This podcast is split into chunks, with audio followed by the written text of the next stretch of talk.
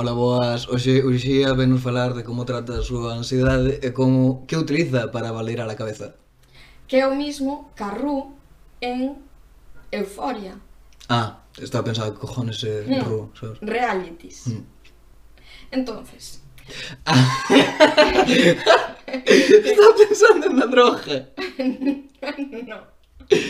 En plan, vale, sí, é, é verídico no capítulo este no que se fai pis Sí, que, que empeza a ver realities, eh? sí, que se chama Love Island ou sí. algo así. Pois sinto moi identificada con con eso de botar tanto tempo na cama e saber que non és capaz de moverte en que te estés mexando, que houve veces que pensei en mexarme encima, hmm. pero como que despois teria que cambiar as sábanas e non me parece útil, porque requiere máis traballo. Porque requiere de... máis traballo, entonces como que aguantas o pis, eh, non sei, en plan, ela como que acaba con infección renal, eu creo que non acabaría con infección renal que antes me mexaría encima, sí, sabes? Sí. O mellor tiraríamos suelo, mexaría encima porque además o meu suelo é de plaqueta. Entonces límpase máis fácil. Pero bueno, que eu para calmar a ansiedade vexo moito, rea bueno, moito reality. Só estou vendo menos, pero porque non hai estou esperando, como xa dixen no anterior capítulo estou esperando a que saia la venganza de los ex, VIP ABC, no, VIP VIP V de, de que era V? De vendetta. No. de very important people, person. Estaba referiéndome ao de Rosalía, ao abecedario de Rosalía. non sei. Non, non sei. O mellor non ten V. Bueno, pode non ter V, se hai letras que non ten. Houve unha apellido na ruleta da suerte que foi e eh, que dixo R de Reinona. No, no puto, no puto pasar palabras, sabes? Fantasía. Bueno, entón estou esperando a que saia La venganza de los ex e aínda non sei o casting que vai, en plan, sei eso, que vai Isaac Lobo, que vai Andrea a... A da primeira temporada. A da primeira temporada. Sinceramente non sei que unha primeira temporada, que a pobre, como é da primeira temporada, pois puxoselle de puta para arriba, pero despois fixose de todo e máis, e, e debe ser das que menos fixo aí. Mm. Bueno, entonces vai Andrea, vai Isaac, e esos son como os fichajes que teñen a nivel España. E despois, eh, pois xente de realities de, de Latinoamérica, México, vai xente de Acapulco Shore, non sei se volve xente da venganza de outras temporadas, pero como que van xuntando realities, se suelen xuntar en plan enamorándonos, que é mexicano, Acapulco Shore, despois vai haber un que non sei se é Super Shore, que tamén é internacional, pero que van dous de Acapulco Shore. Pero entonces toda a peña de Latinoamérica está aí? Eh, eh... eh, como que todos os realities de Latinoamérica están relacionados entre eles. Bueno. O sea, non sei se, son se absolutamente todos, pero sobre todo, por exemplo, os de MTV si están relacionados entre eles, MTV leva todos os short, hmm. e despois os short tamén traballan con televisións mexicanas facendo realities para televisións mexicanas que non teñen que nada que ver con MTV. Sí. Entonces como que conoces a un personaje nun reality, pero vai a aparecer noutro. É un pouco como a farándula española, pero en vez de ser nun país que estás a estos huevos de ver a puto Kiko Matamoros, pois pues, tens un continente que é moitísimo máis interesante. Un continente no que además pois pues, permiten moitísimas máis cousas do que permiten na televisión aquí. O sea, que é unha puñetera fantasía. Hmm. Porque é eso, péganse, Ai, é que además teñen como un... Faime risa, que Unha tolerancia á violencia moi alta. Entón, como que se tiran dos pelos e non pasa nada. Buah, as peleas de tirarse dos pelos a min flipame, porque os homens como que os separan, en plan... Uh, uh, e nunca chegan a nada, son os frikis, pero as pavas tíranse dos pelos e arañanse con esas uñas de porcelana que podes flipar. E despois son amiguísimas, despois ao final... Eh, ao final follan entre elas, son vidas así. Sí, sí. Que as mesmas que se pelean? Si, hai de todo. Que consta que hai moita representación LGTB nos seus realities, eh? Ah, Moito en plan, moita pena queer. cosa que non hai en las tentaciones, por exemplo. Por exemplo, aí como métenos Había, había unha a visi- salvajaos, Sí. e se son bisexuales cúndelles máis, porque saben que como que poden tirar pos dous bandos e xuntan a xente promiscua e borracha con tendencias bisexuales. Bueno, Entonces, pues, aí ármanse... Yo... ármanse o mínimo tríos, ármanse un montón de tríos aí. Hostia. Claro, a mí parece unha puñetera fantasía. Entón ti estás vendo un trío dunha persona que saliu en Gandía Shore, dunha persona que o mellor saliu en enamorándonos e dunha persona que ven de Acapulco Shore. Entonces, ti conócelos a eles, conoces as súas historias, conoces as persoas que as que estuveron, conoces as parellas que teñen ou non teñen fora Hostia, porque tamén teñen parellas, non? Poden ter, poden ter parellas ou mellor deixar unha relación, porque imagínate Isaac con Lucía. Isaac está aí e ti sabes que Isaac está con Lucía e que está embarazada Lucía. Entonces ti estás vendo como o mellor Isaac se monta un trío, pero ti sabes que Lucía está fora embarazada. Sí, sí, sí. sí. Entón a mí isto pareceme 100 anos de soledade. Eu non fun capaz de acabar 100 anos de soledad porque me parecía un tostón. Non vai pasar como a Ter que Colombia se foi contra ella por decir que non ah, gustaba sí. Gabriel García Márquez. A mí si sí me gusta, pero ese libro que a xente lle encanta, a mí pareceme meh, non era aburrido. Crónica de unha morte anunciada, non era de A mí Crónica de unha morte anunciada parece maravilloso. É librazo, é un librazo. Parece un pedazo de libro, pareceme, además, ejemplo del realismo mágico. Mm. Ahora, os putos de 100 años de soledad, que son todos Aureliano Buendía, todos, todos, todos se chaman Aureliano Buendía, que teñen un puto árbol genealógico, eu creo que hai flashbacks, forwards e todas esas movidas, e todos se chaman igual, pois pues non te enteras de nada, e teñen todos a mesma personalidade aburrida. É un libro que a mí non gusta. Hmm. Pero que ese, ese rollo de ter tantos personajes e ter tanta tanta relación entre eles, que ao final é toda unha familia e consecuencias, non sei que, non sei cuánto, todo ese entramado parece un realities latinoamericanos. A farándula en general, pero en concreto realities latinoamericanos. Hmm. Porque aquí concéntrase todo en Telecinco. Sí. Entón, como que vale, pois pues sí, como xa un pouco aburrido en verdad, porque son familias de toreros, de folclóricas, non sei que, é un mundo tamén bastante cerrado que se vai abrindo en plan a dúas ou tres personas que, que van entrando e que van quedando na televisión, o mellor como comentaristas ou eh, colaboradores, pero tamén os que suelen quedar de colaboradores son a Gloria Camila, que é a filla da Rocío Jurao, Alejandra Rubio, que é a neta da María Teresa, eh? Calcuta? No, non sei, como se chama? No sei, bueno, das Campos, María Teresa Campos. Hmm. Entón, como que é un rollo así como moi familiar que a mí non me gusta, xa me aburre. Hmm. En Latinoamérica hai moita máis diversidade e ti tes a opción tamén de, claro, ti conoces esta persona, por exemplo, os realities chilenos meten a moita xente de distintas partes de Latinoamérica. Entonces, Nacha, que estuvo en Resistiré cando Resistiré era de Mega, levouse ben con Manelik. Vamos, vamos xuntar estas dúas persoas. Nacha ¿no? e Manelik. Pero Mega, que, que cojones que? Mega é como se aquí fose Telecinco. Ah, bueno, vale. vale. Entonces, tes a Nachita, e a Mane. Hmm. Nachita e Mane son amigas en Resistiré. Que eh, ah, que son pibas. Ah, claro, vale, sí. vale. Son un estilo como de supervivientes, pero a verdad, moito máis gracioso. Hmm. Porque hai, hai juja e non ten que sobrevivir tanto. Hmm. En plan, solo pasan mal, a veces danlle premios, gastan cartos, entonces peleas entre eles, hai veces que ostentan con, con unha habitación a parella, entón tamén follan, entón como que, sabes, hai, hai máis chicha. Cada, a mis supervivientes a que me gusta. A mí esas pruebecitas do carallo me gusta. Ai, é que hai algúns, eu vin algúns son moi graciosas.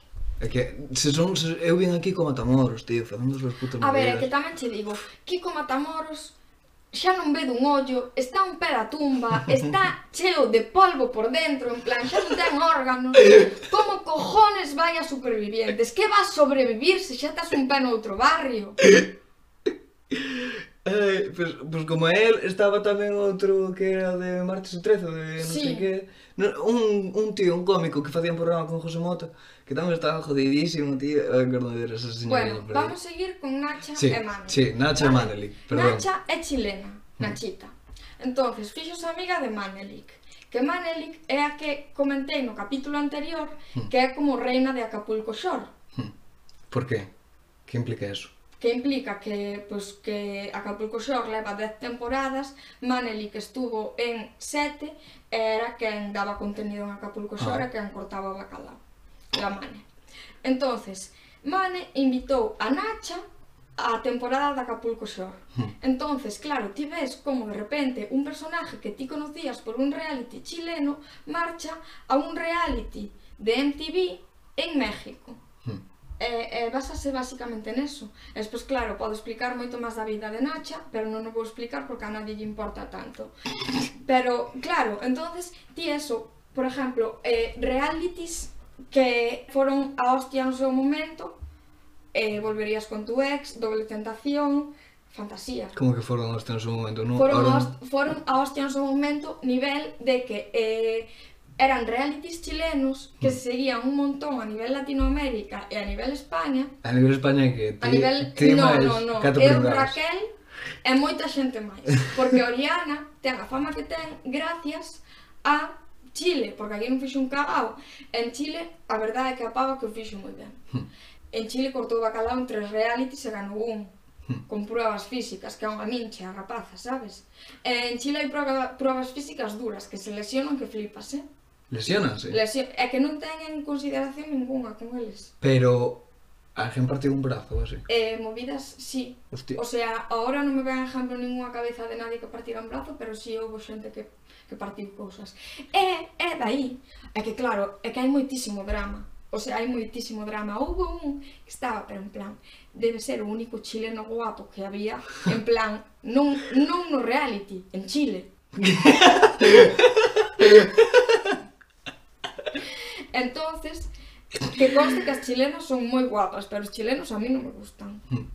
Pois este que era un pedazo de pibón que tamén como que levaba un rol bastante importante como no reality e tal, ao final, ca que saliu do reality, tuveron un accidente de coche, o coche ardiu, el sacou a que era no seu momento a súa moza, el quedou dentro non sei como, en plan, como que a botou ela fora, el se queimou, bueno, queimou, eu non sei que porcentaje do seu corpo, pero prácticamente todo. Entón agora é como el fantasma en la ópera.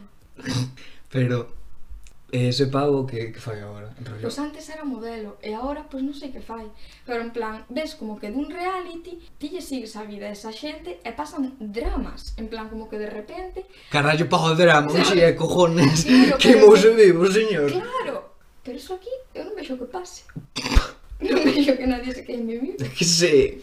E Mm, claro, ti vías como eh, estaba como a chica ca que estaba no reality, que saliu do reality porque entrou con outra parella, como despois o mellor dalí a un ano volvía ca primeira parella e decía como no, porque es que la Silvina siempre me quiso, fue la que estuvo siempre ahí a mi lado, sin importar el físico, no sé qué, porque claro, era feo. E Pero... Silvina quería, por como era, hmm. estaba con el despois do accidente. E el deixou a Silvina. Deixou a Silvina o pavo que se É un pibón. E así son os realities. Eh, a mí parece un mundo apasionante, Uai, que... que está moi infravalorado, que son unha fuente de entretenimento puro, porque é entretenimento puro que non te fai pensar nada e ainda así a veces podes reflexionar sobre cousas. Mm.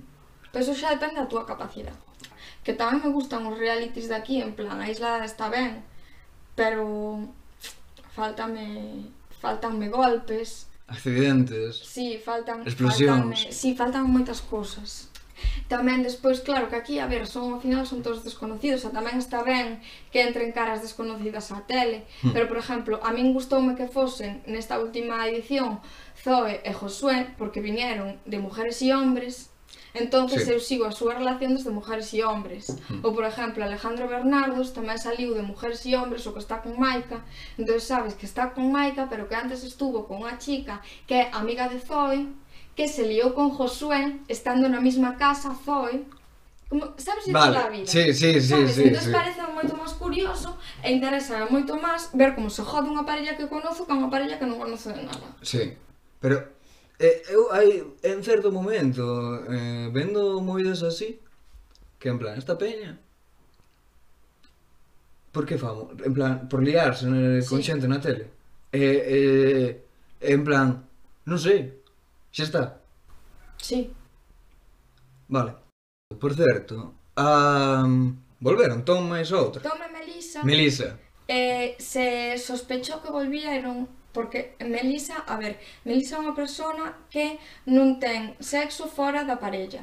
Vale, eh, tiveron unha, eh, eh como contexto, tiveron unha relación super chunga, rollo tipo maltrato en, sí. en, en las tentacións. Entón, como que toma ahora, eh, sí que dixo públicamente que quería volver con Melisa, porque teñen desde supervivientes, teñen boa relación. Hmm. Eh, quedan a veces para comer, eh, como que son amigos. E dixo públicamente que quería volver con Melisa, que Melisa era a muller da súa vida, que se arrepentía un montón de todo o que lle fixera, tal. E Melisa dixera que non.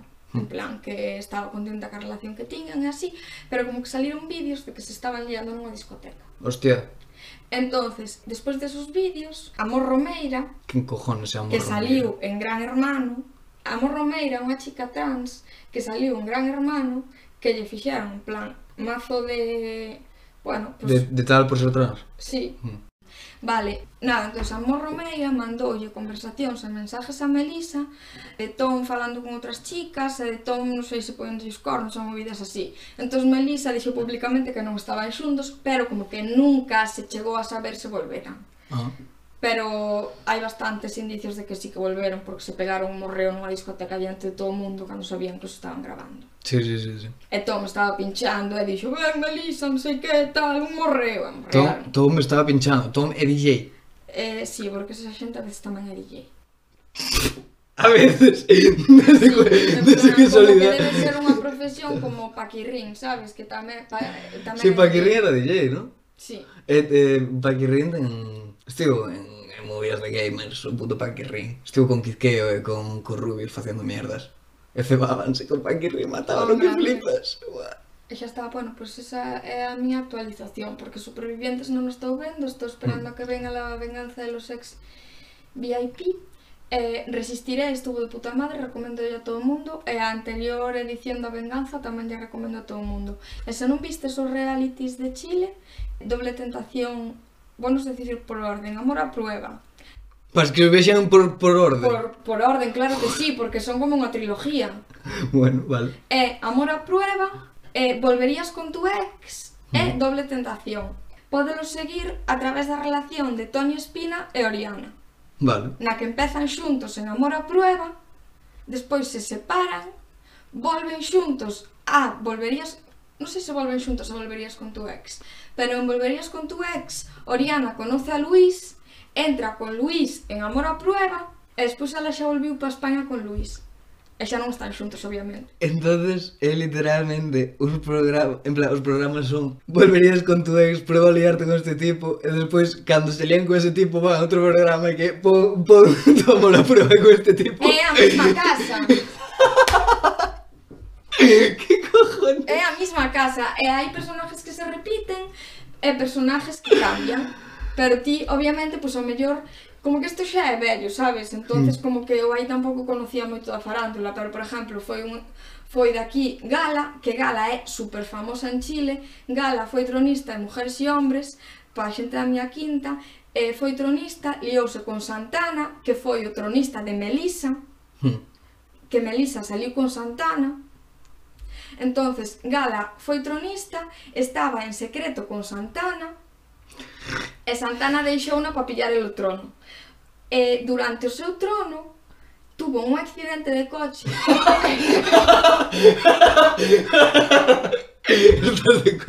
no, tuvo un accidente de coche con Santana, que non se sabía que estaban xuntos. Entonces como que dixeron, ai no, temos moito vínculo porque íbamos xuntos a un bolo, tivemos un accidente de coche xuntos, entonces pois pues, claro, eso uniunos moito, mentira, levaban follando tres meses. Sí.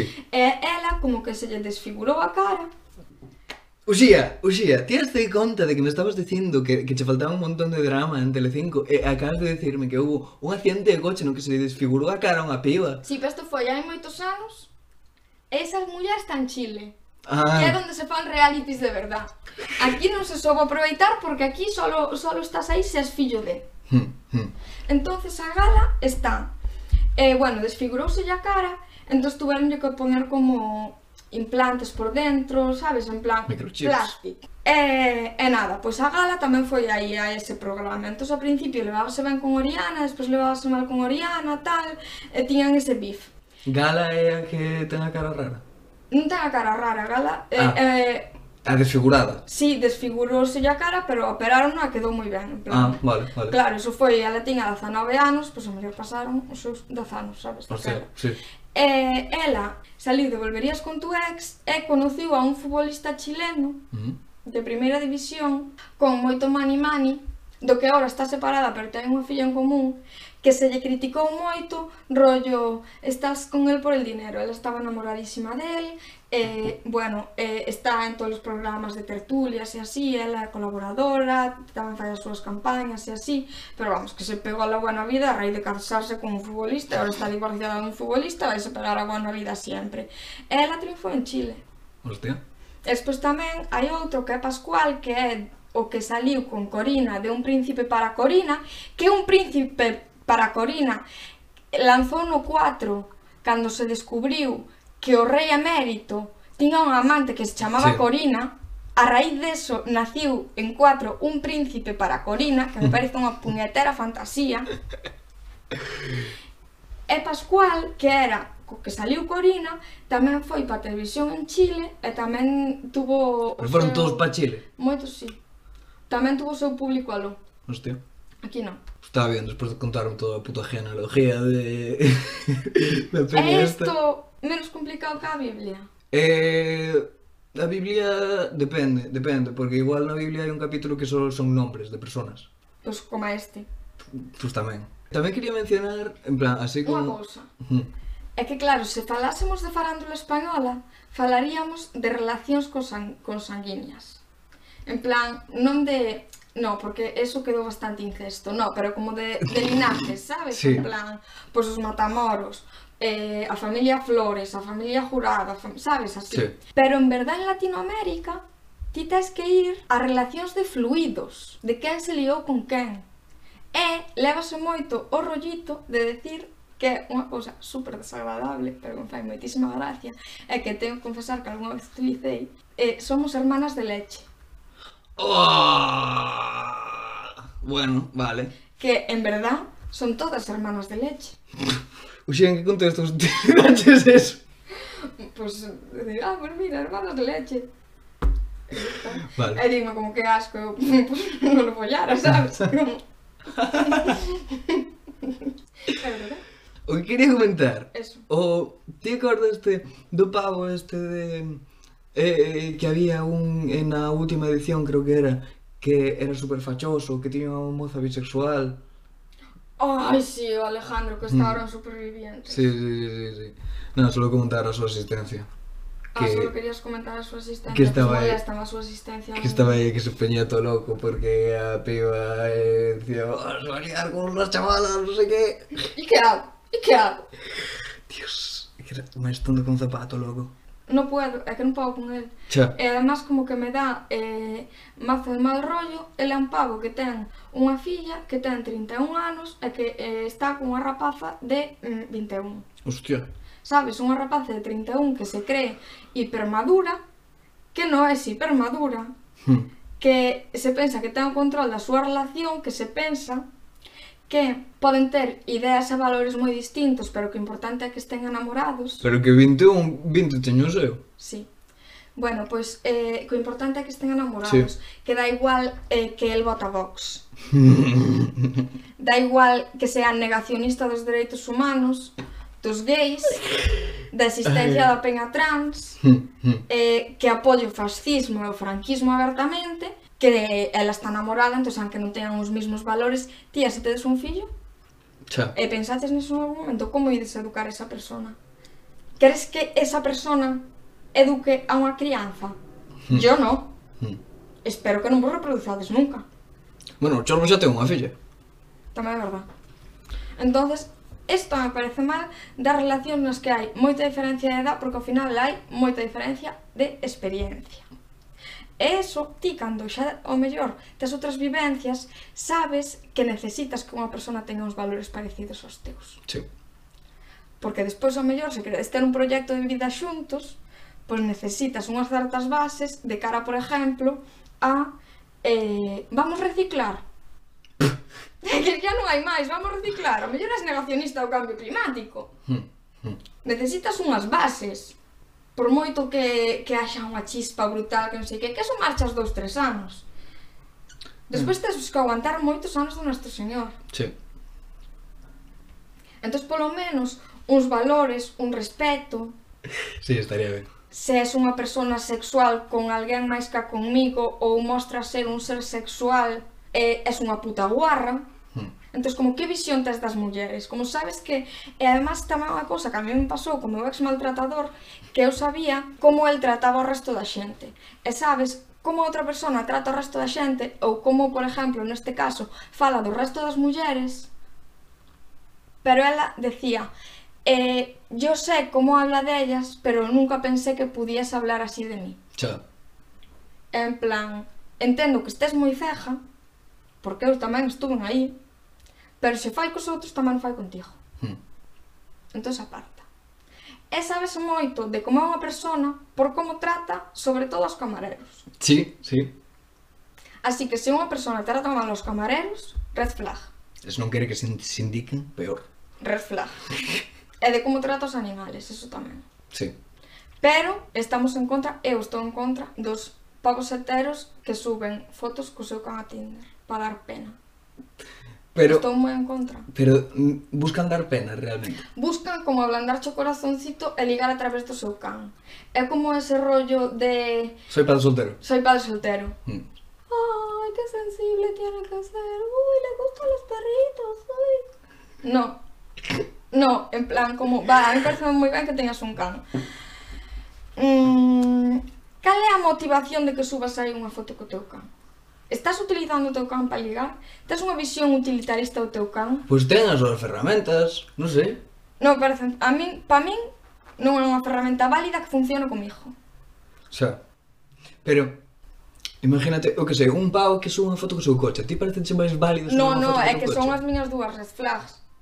Foto con animal e foto con coche. Eso descarto sempre, eh, sempre. Esa era a información que non coñecía. Sempre descarto eso. Mm, Son as únicas dúas que descarto categóricamente.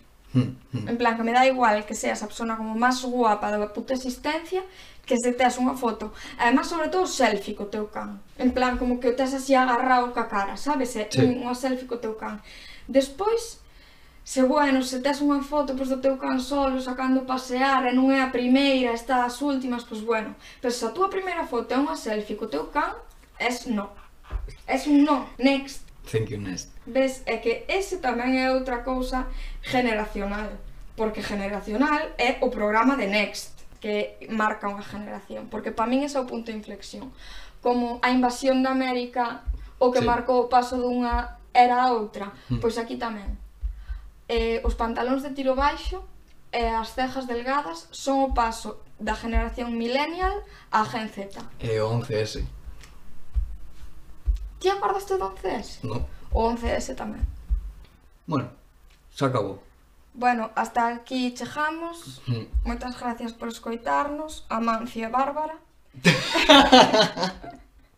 bueno, máis ben Amancio, porque Bárbara di que nos escoita, pero intuyo que é mentira.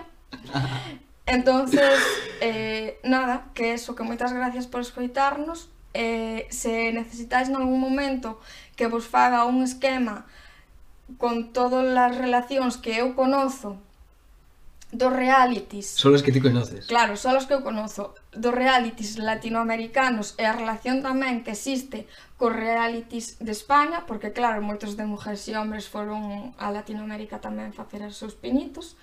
E Isaac da Isla das Tentacións, por exemplo, saliu de Supershore. El mm. empezou en Latinoamérica e veu a Isla pero das tío, Tentacións aquí. Pero español, non? Sí, mm. pero empezou la grabando en Latinoamérica. E Ferre tamén empezou grabando en Latinoamérica e despois veu aquí. Tampouco sabes quen é. Non. Pero se Andrea Cadilla, que non nos escoita porque falamos de cousas de estar locos, gustaría deste programa. Entonces, Andrea, como chegou a obligar a velo, tamén adiós Andrea, adiós Bárbara e adiós Amancio, e os outros se nos escoitades e chegastes hasta aquí, pois moitas gracias, olle, tamén gracias a vos. Con Dios. Con Dios. Dios te bendiga, eso dimos da Biblia.